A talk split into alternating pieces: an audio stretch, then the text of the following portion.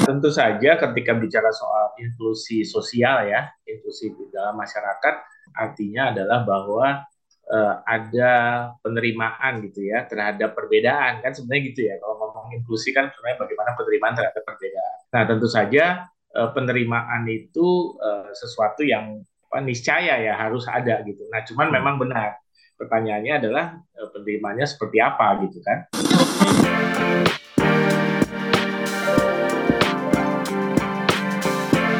Hai sahabat TCID, kalian sedang mendengarkan podcast Suara Akademia.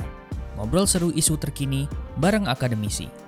Bulan Juni uh, menjadi bulan yang dikenal oleh masyarakat luas sebagai Pride Month gitu. Um, ini bulan yang memang kadang-kadang kalau misalnya kita melihat diskursus dan juga diskusi yang terjadi di sosial media, banyak sekali uh, pros and cons yang muncul di pertengahan diskusi yang terselenggara dan membahas Pride Month gitu. Um, kita memang sebenarnya masih um, apa ya sering mendengarkan diskusi yang hangat, diskusi yang panas tensinya bahkan apabila kita membahas mengenai komunitas teman-teman dari LGBTQ+, and we're gonna talk about gimana caranya kita bisa uh, meningkatkan inklusivitas sosial masyarakat Indonesia gitu. In case kalau misalnya kita ngomongin soal Pride Month ya. Welcome to Suara Akademia. Nama saya Muhammad Syarif. Saya podcast produser dari The Conversation Indonesia. And for this episode, uh, saya bakal ngobrol sama Pak Irwan Hidayana ini dari uh, Universitas Indonesia. Kebetulan juga beliau itu studiesnya ke gender juga gitu. So here we go. Selamat datang Pak Irwan di podcast ini. Apa kabar Pak? Uh, baik, uh, terima kasih sudah memberikan kesempatan untuk ngobrol. Ya, baik Pak Irwan. Mungkin pertanyaan pertama nih Pak. Kalau kita berbicara mengenai um, pentingnya pemahaman soal identitas gender yang beragam nih Pak. Itu tuh pentingnya apa ya dalam proses menciptakan masyarakat yang inklusif nih Pak Irwan? Ya, uh, saya pikir dalam konteks apa ya pro, uh, globalisasi sekarang ya, di mana apa ya masyarakat atau negara di berbagai dunia ini apa semakin apa semakin mudah ber, apa, berkomunikasi, mendapatkan arus informasi dan tentu saja kemudian antara lain juga eh, bagaimana eh, apa dalam proses ini kemudian mau tidak mau persoalan identitas gender yang beragam itu juga muncul gitu ya. Jadi jadi menurut saya dalam konteks masyarakat yang sekarang gitu ya yang apa ya masyarakat global mau tidak mau saya pikir pemahaman soal uh, identitas gender yang beragam itu yang tidak hanya cuma bicara laki dan perempuan misalnya itu menjadi semakin penting gitu ya. Karena kita harus bisa kemudian me, apa, melihat uh, realitas sosial yang memang terus berkembang gitu ya. Gitu. Jadi saya pikir itu jadi penting gitu ya kenapa pemahaman tentang uh, identitas gender yang beragam itu menjadi menjadi menjadi penting dalam konteks sekarang gitu ya. Kita berbicara soal penerimaan dan uh, tadi sudah pemahaman nih Pak. Ya, artinya kan memang kita harus um, at least di level yang tahu bahwa um, komunitas yang rentan, teman-teman dari LGBTQ+ ini memang ada gitu, memahami gitu kan. Tapi berbicara soal penerimaan nih, apakah ini bakal menjadi kunci untuk menciptakan inklusivitas di tengah society. Dan kalau kita berbicara penerimaan, bentuknya kayak gimana ya Pak penerimaan? Karena kan ini nih yang menjadi obrolan panas hmm. gitu di sosial media oh. berbicara penerimaan, apakah yang harus benar-benar dilegalkan kah atau yang seperti apa? Gimana nih Pak Irwan nih? Ya. Iya, tentu saja ketika bicara soal inklusi sosial ya, inklusi di dalam masyarakat, tentu saja kan berartinya adalah bahwa uh, ada penerimaan gitu ya terhadap perbedaan kan sebenarnya gitu ya. Kalau ngomong inklusi kan sebenarnya bagaimana penerimaan terhadap perbedaan. Bisa perbedaan agama perbedaan etnis perbedaan apalah mungkin kelas gitu ya. Tapi dalam konteks ini kita bicara soal perbedaan soal identitas gender dan seksual sebenarnya kan gitu. Nah tentu saja uh, penerimaan itu uh, sesuatu yang apa, niscaya ya harus ada gitu. Nah cuman memang benar pertanyaannya adalah eh, penerimanya seperti apa gitu kan. Nah, saya pikir kalau untuk konteks Indonesia memang eh, apa eh, penerimaan itu pertama adalah tadi yang saya bilang mungkin memang masyarakat secara umum perlu apa ya perlu belajar memahami nanti bahwa yang namanya identitas gender itu memang tidak lagi semata-mata soal laki dan perempuan aja gitu ya. Nah. Tentu saja secara tradisional di masyarakat kita sudah ada transpuan atau dulu yang biasa disebut waria gitu atau sebelumnya disebut banci gitu ya. Hmm. Seperti itu dalam sejarah kita kan udah ada. Nah, dalam konteks itu sendiri sebenarnya di secara kultural di masyarakat kita kan sebenarnya eh, apa realitas itu sudah ada cukup lama kan gitu ya. Nah, sekarang dalam konteks global kemudian ya muncullah kemudian berbagai macam apa namanya ya katakanlah kategori-kategori identitas yang lain kan ya kalau kita ngomong apa ya ada lesbian, ada gay, ada biseksual gitu ya seperti itu. Nah jadi jadi penerimaan itu sendiri saya pikir pertama tadi ya eh, soal bagaimana pertama adalah menerima ada perbedaan ya. Perbedaan lihat itu dulu ya perbedaan. Ya tentu saja konteksnya mungkin tidak bisa kemudian dan saya pikir juga teman-teman dari apa komunitas uh, katakanlah LGBTIQ itu sendiri juga di Indonesia ya terutama juga sadar kok gitu kan uh, mereka juga tidak berpikir harus ada legalisasi secara apa institusi perkawinan seperti hmm. halnya di beberapa negara gitu ya. Saya pikir kalau dari banyak pembicaraan dengan mereka pertama adalah bagaimana misalnya mereka punya misalnya diterima konteksnya adalah misalnya hak pendidikan gitu ya kan misalnya ya itu itu hak dasar atau kemudian hak untuk apa kerja gitu ya hak ekonomi hmm. ya kan secara ekonomi jadi bagaimana di tempat kerja mereka tidak didiskriminasi tidak dibully kan gitu ya ya Betul. jadi memang konteksnya adalah eh, apa namanya tadi ya eh, penerimaan dalam terkait dengan tadi pemenuhan beberapa hak dasar ya sebenarnya sebagai sebagai warga negara gitu saya pikir mungkin itu di, langkah awalnya mungkin itu dulu kali ya gitu. Ya. Jadi pertama masyarakat luas bisa memahami bahwa ada keragaman gender gitu kan ya. Dan kemudian kedua adalah bagaimana kalaupun ada yang berbeda lalu tadi ya tidak melakukan apa eh, bullying, stereotyping atau kemudian diskriminasi tapi misalnya eh, tadi misalnya di sekolah gitu kan bagaimana sekolah menciptakan tempat yang tadi ya eh, tidak tidak apa yang yang aman gitu kan atau di tempat kerja gitu. Saya pikir itu ya mungkin level ininya ya. Kita nggak bicara soal kemudian dari aspek legalitas gitu ya. Kalau saya bicara konteksnya Indonesia ya kalau dari pandangan saya. Artinya begini Pak, kalau kita berbicara soal tadi uh, pemahaman dan juga penerimaan, Indonesia kan tadi mungkin Pak Irwan sudah nge-mention gitu, uh, level penerimaan as long as memang hak dasar sudah uh, bisa terpenuhi, maybe it's it's that itu udah cukup gitu Pak, gitu. Mungkin di level awal. Tapi kan artinya ada permasalahan di level pemahaman nih Pak. Apa sih yang membuat iya. masyarakat gagal paham gitu? Apakah mungkin karena kita udah punya uh, mungkin moral value yang dibawa karena memang background keluarga yang udah punya agama atau gimana nih Pak? Hmm, ya betul. Ya ini yang jadi persoalan adalah ketika tadi kembali lagi ya menerima soal penerimaan itu di masyarakat kita itu kan memang kemudian ketika bicara soal LGBTIQ eh, itu kemudian selalu dikaitkan dengan soal moralitas dan agama gitu kan. Nah, di situ benturannya sebenarnya kan gitu ya. Karena dan dan uh, saya pikir bahkan penggunaan istilah LGBTIQ sendiri itu sendiri sudah kemudian menjadi apa ya kadang kalau dari saya kadang kadang menjadi nggak strategis gitu ya nggak strategis dalam arti itu menjadi satu term itu dianggap term yang berasal dari barat kan gitu. Ya ya ya jadi kata LGBTIQ sendiri kemudian udah punya konotasi tanpa orang juga paham tentang apa itu singkatan LGBTIQ misalnya. Ya. tapi konotasinya adalah misalnya itu udah yang menyimpang penyakit gitu kan.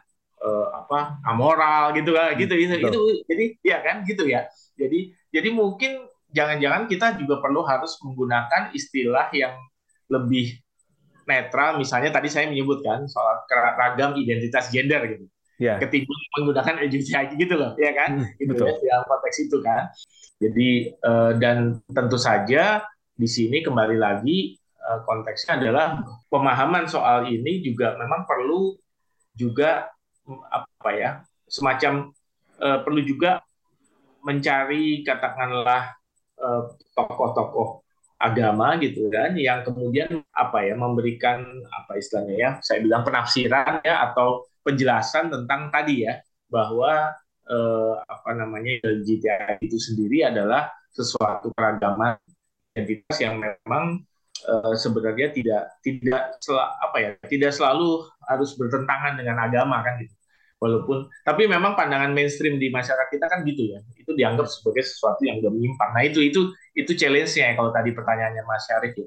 E, kenapa begitu susahnya? Karena memang tadi udah tertanam itu adalah sesuatu yang menyimpang dosa penyakit gitu kan seperti itu. Itu nah tantangannya tadi memang kalau kita ngelihat dari kita memerlukan perspektif agama yang lebih inklusif ketika bicara ini. I see. Um, itu kan tadi artinya memang dari sudut aneh Pak ya, kalau memang dari melihat tantangan sepertinya, um, especially di Indonesia, mungkin ya. kom, kom, moral kompas atau mungkin personal kompasnya orang-orang sudah udah kayak punya pondasi yang kuat gitu, akhirnya jadi hmm.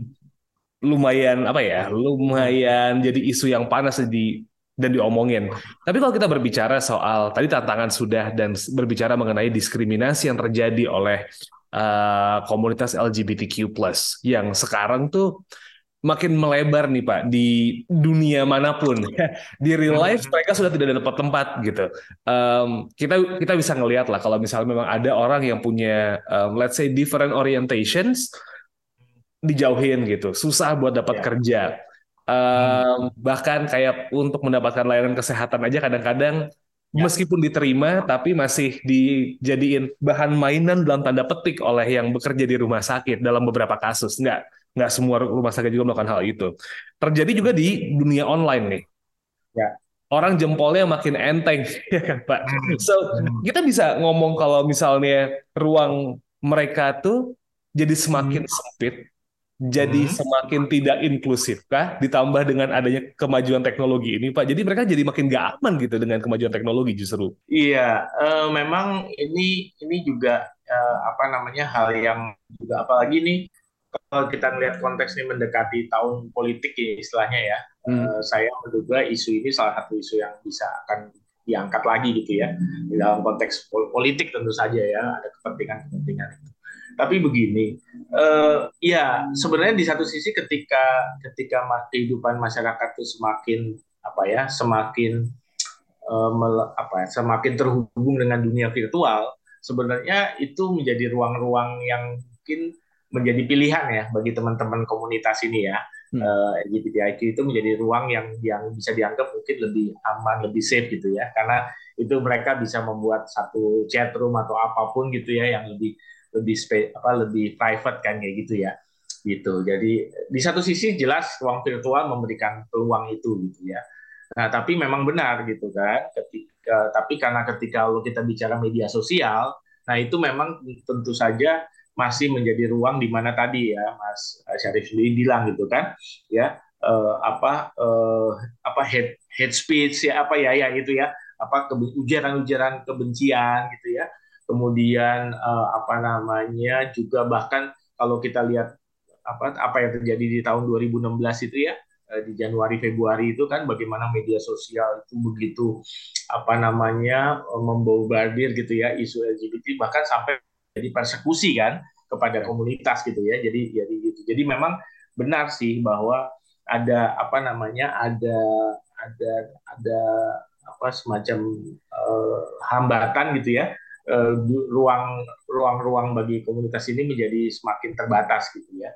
Nah, saya tapi saya pikir juga um, apa ya um, ini yang memang kemudian menjadi apa makanya saya pikir ini menjadi tugas apa ya kita bersama sebenarnya ya kepada uh, apa baik dari akademi maupun juga teman-teman komunitas LSM bahkan juga uh, sebenarnya ya pemerintah gitu ya untuk bagaimana uh, supaya tidak apa namanya mengurangi lah ya mengurangi apa namanya diskriminasi atau hate speech kepada kelompok uh, apa namanya LGBTIQ ini. Nah, saya pikir uh, memang saya pikir di satu sisi juga ini ya, saya pikir juga perlu ya peran media ya karena karena masih banyak juga media yang memang nggak sensitif gender ya menurut saya ya.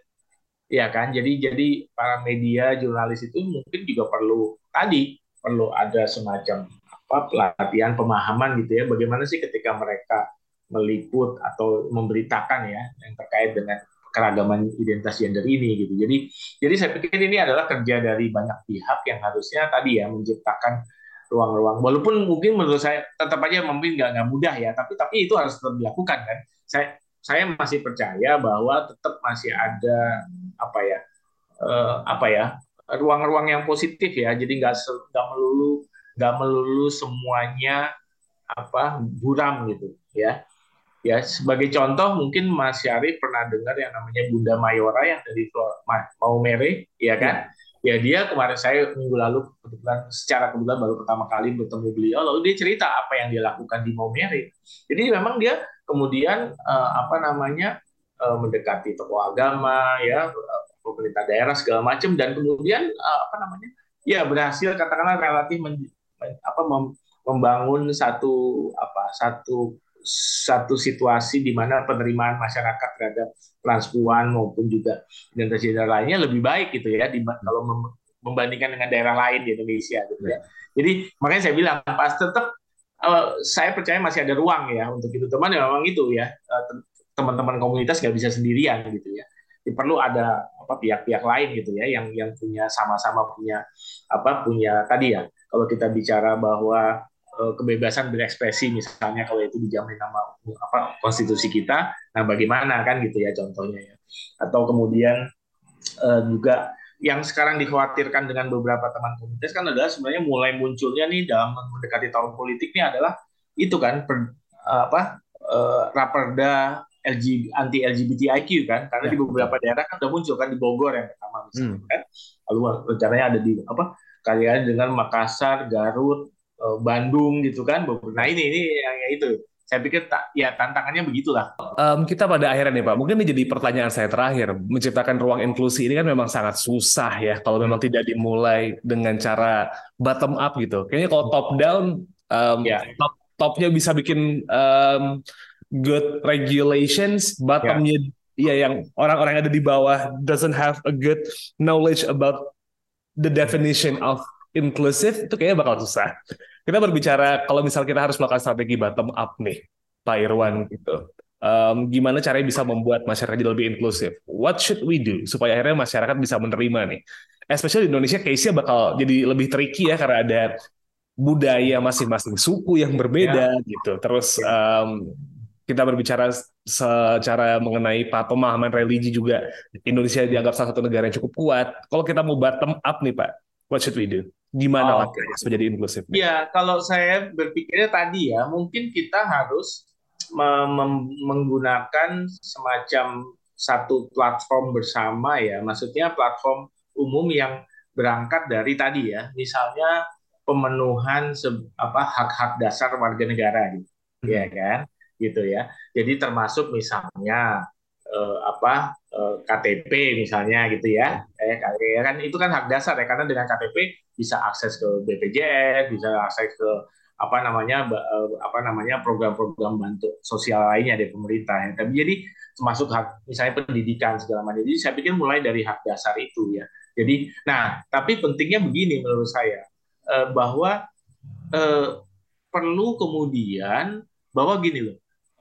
Ini kan bukan hanya teman-teman dari apa LGBTIQ ataupun rag, apa uh, komunitas ragam identitas hmm. gender ini ya yang yang dianggap rentan karena kita juga di masyarakat kita juga ada ada yang apa uh, disabilitas gitu oh. kan ya uh, pekerja seks misalnya contoh lain atau kemudian ada sejumlah apa kelompok rentan juga kan bahkan kalau bicara agama ada minoritas agama tertentu oh. gitu kan contoh Ahmadiyah misalnya apa yeah. kurangnya dia juga ya kan gitu ya. Yeah. Jadi saya pikir jadi makanya saya bilang kalau mungkin mulai bottom up itu mulai dari tadi ya bahwa yang dihadapi oleh komunitas LGBTIQ dan atau ragam identitas gender ini adalah kemudian sebenarnya dihadapi juga oleh beberapa kelompok rentan lainnya gitu, hmm. ya kan? Ya bagaimana disabilitas juga apa keterbatasan akses pada pendidikan gitu ya, kayak gitu ya.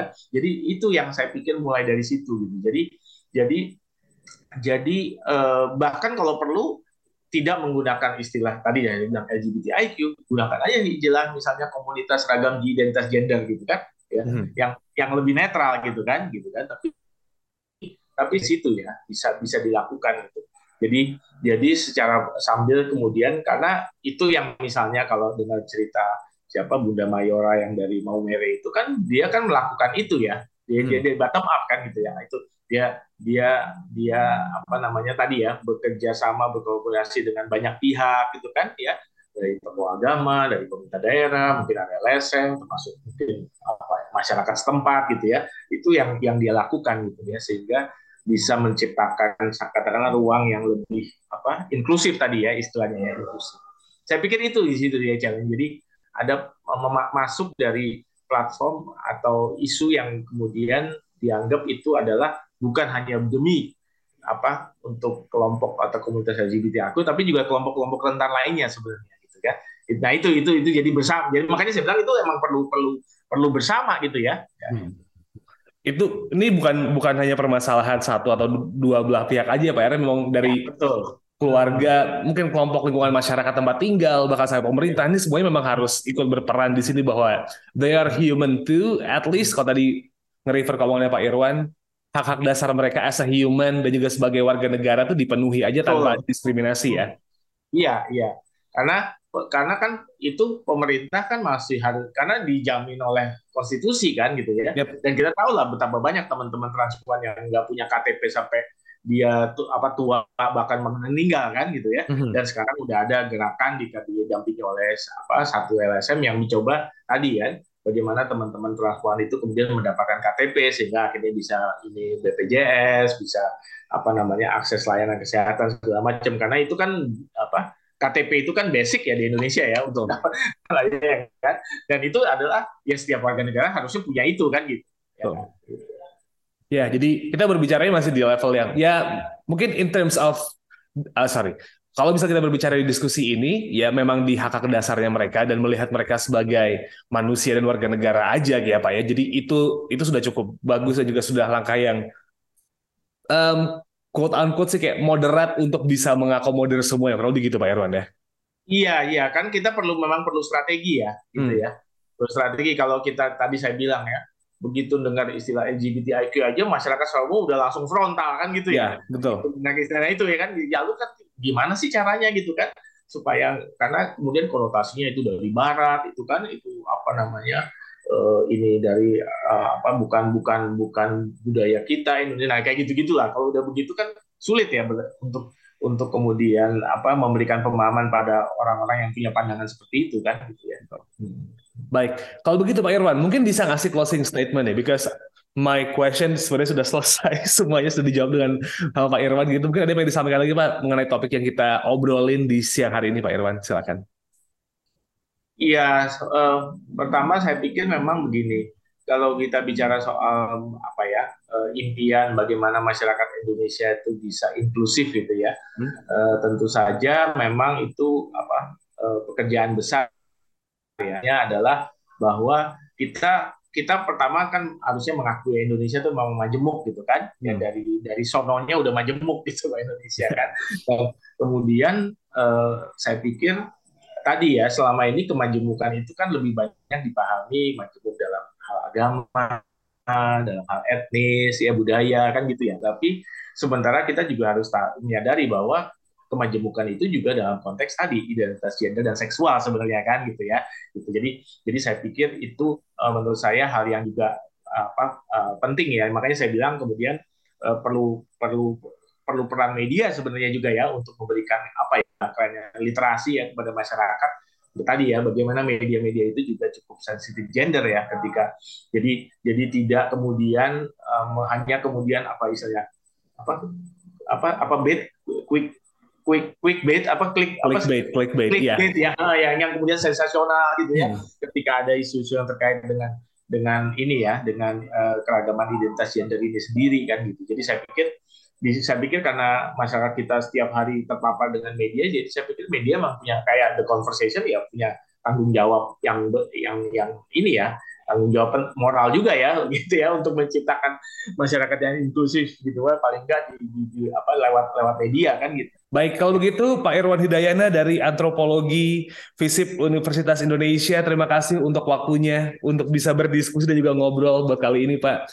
Semoga lancar-lancar seluruh kegiatannya dan juga buat sobat TCID, thank you so much sudah mendengarkan. And if you want to know every single information from the Conversation Indonesia, langsung aja cek sosial media kami at Conversation IDN. Kita ada di Facebook, kita ada di Instagram, kita ada di TikTok, dan jangan lupa buat cek website kami buat baca beritanya secara utuh. Jadi nggak dengerin informasi sepotong-sepotong di theconversation.com/id. Nama saya Muhammad Syarif. Saya podcast produser dari Conversation Indonesia. I'll see you in the next episode. Wassalamualaikum. Kalian telah mendengarkan podcast Suara Akademia. Ngobrol seru isu terkini bareng akademisi.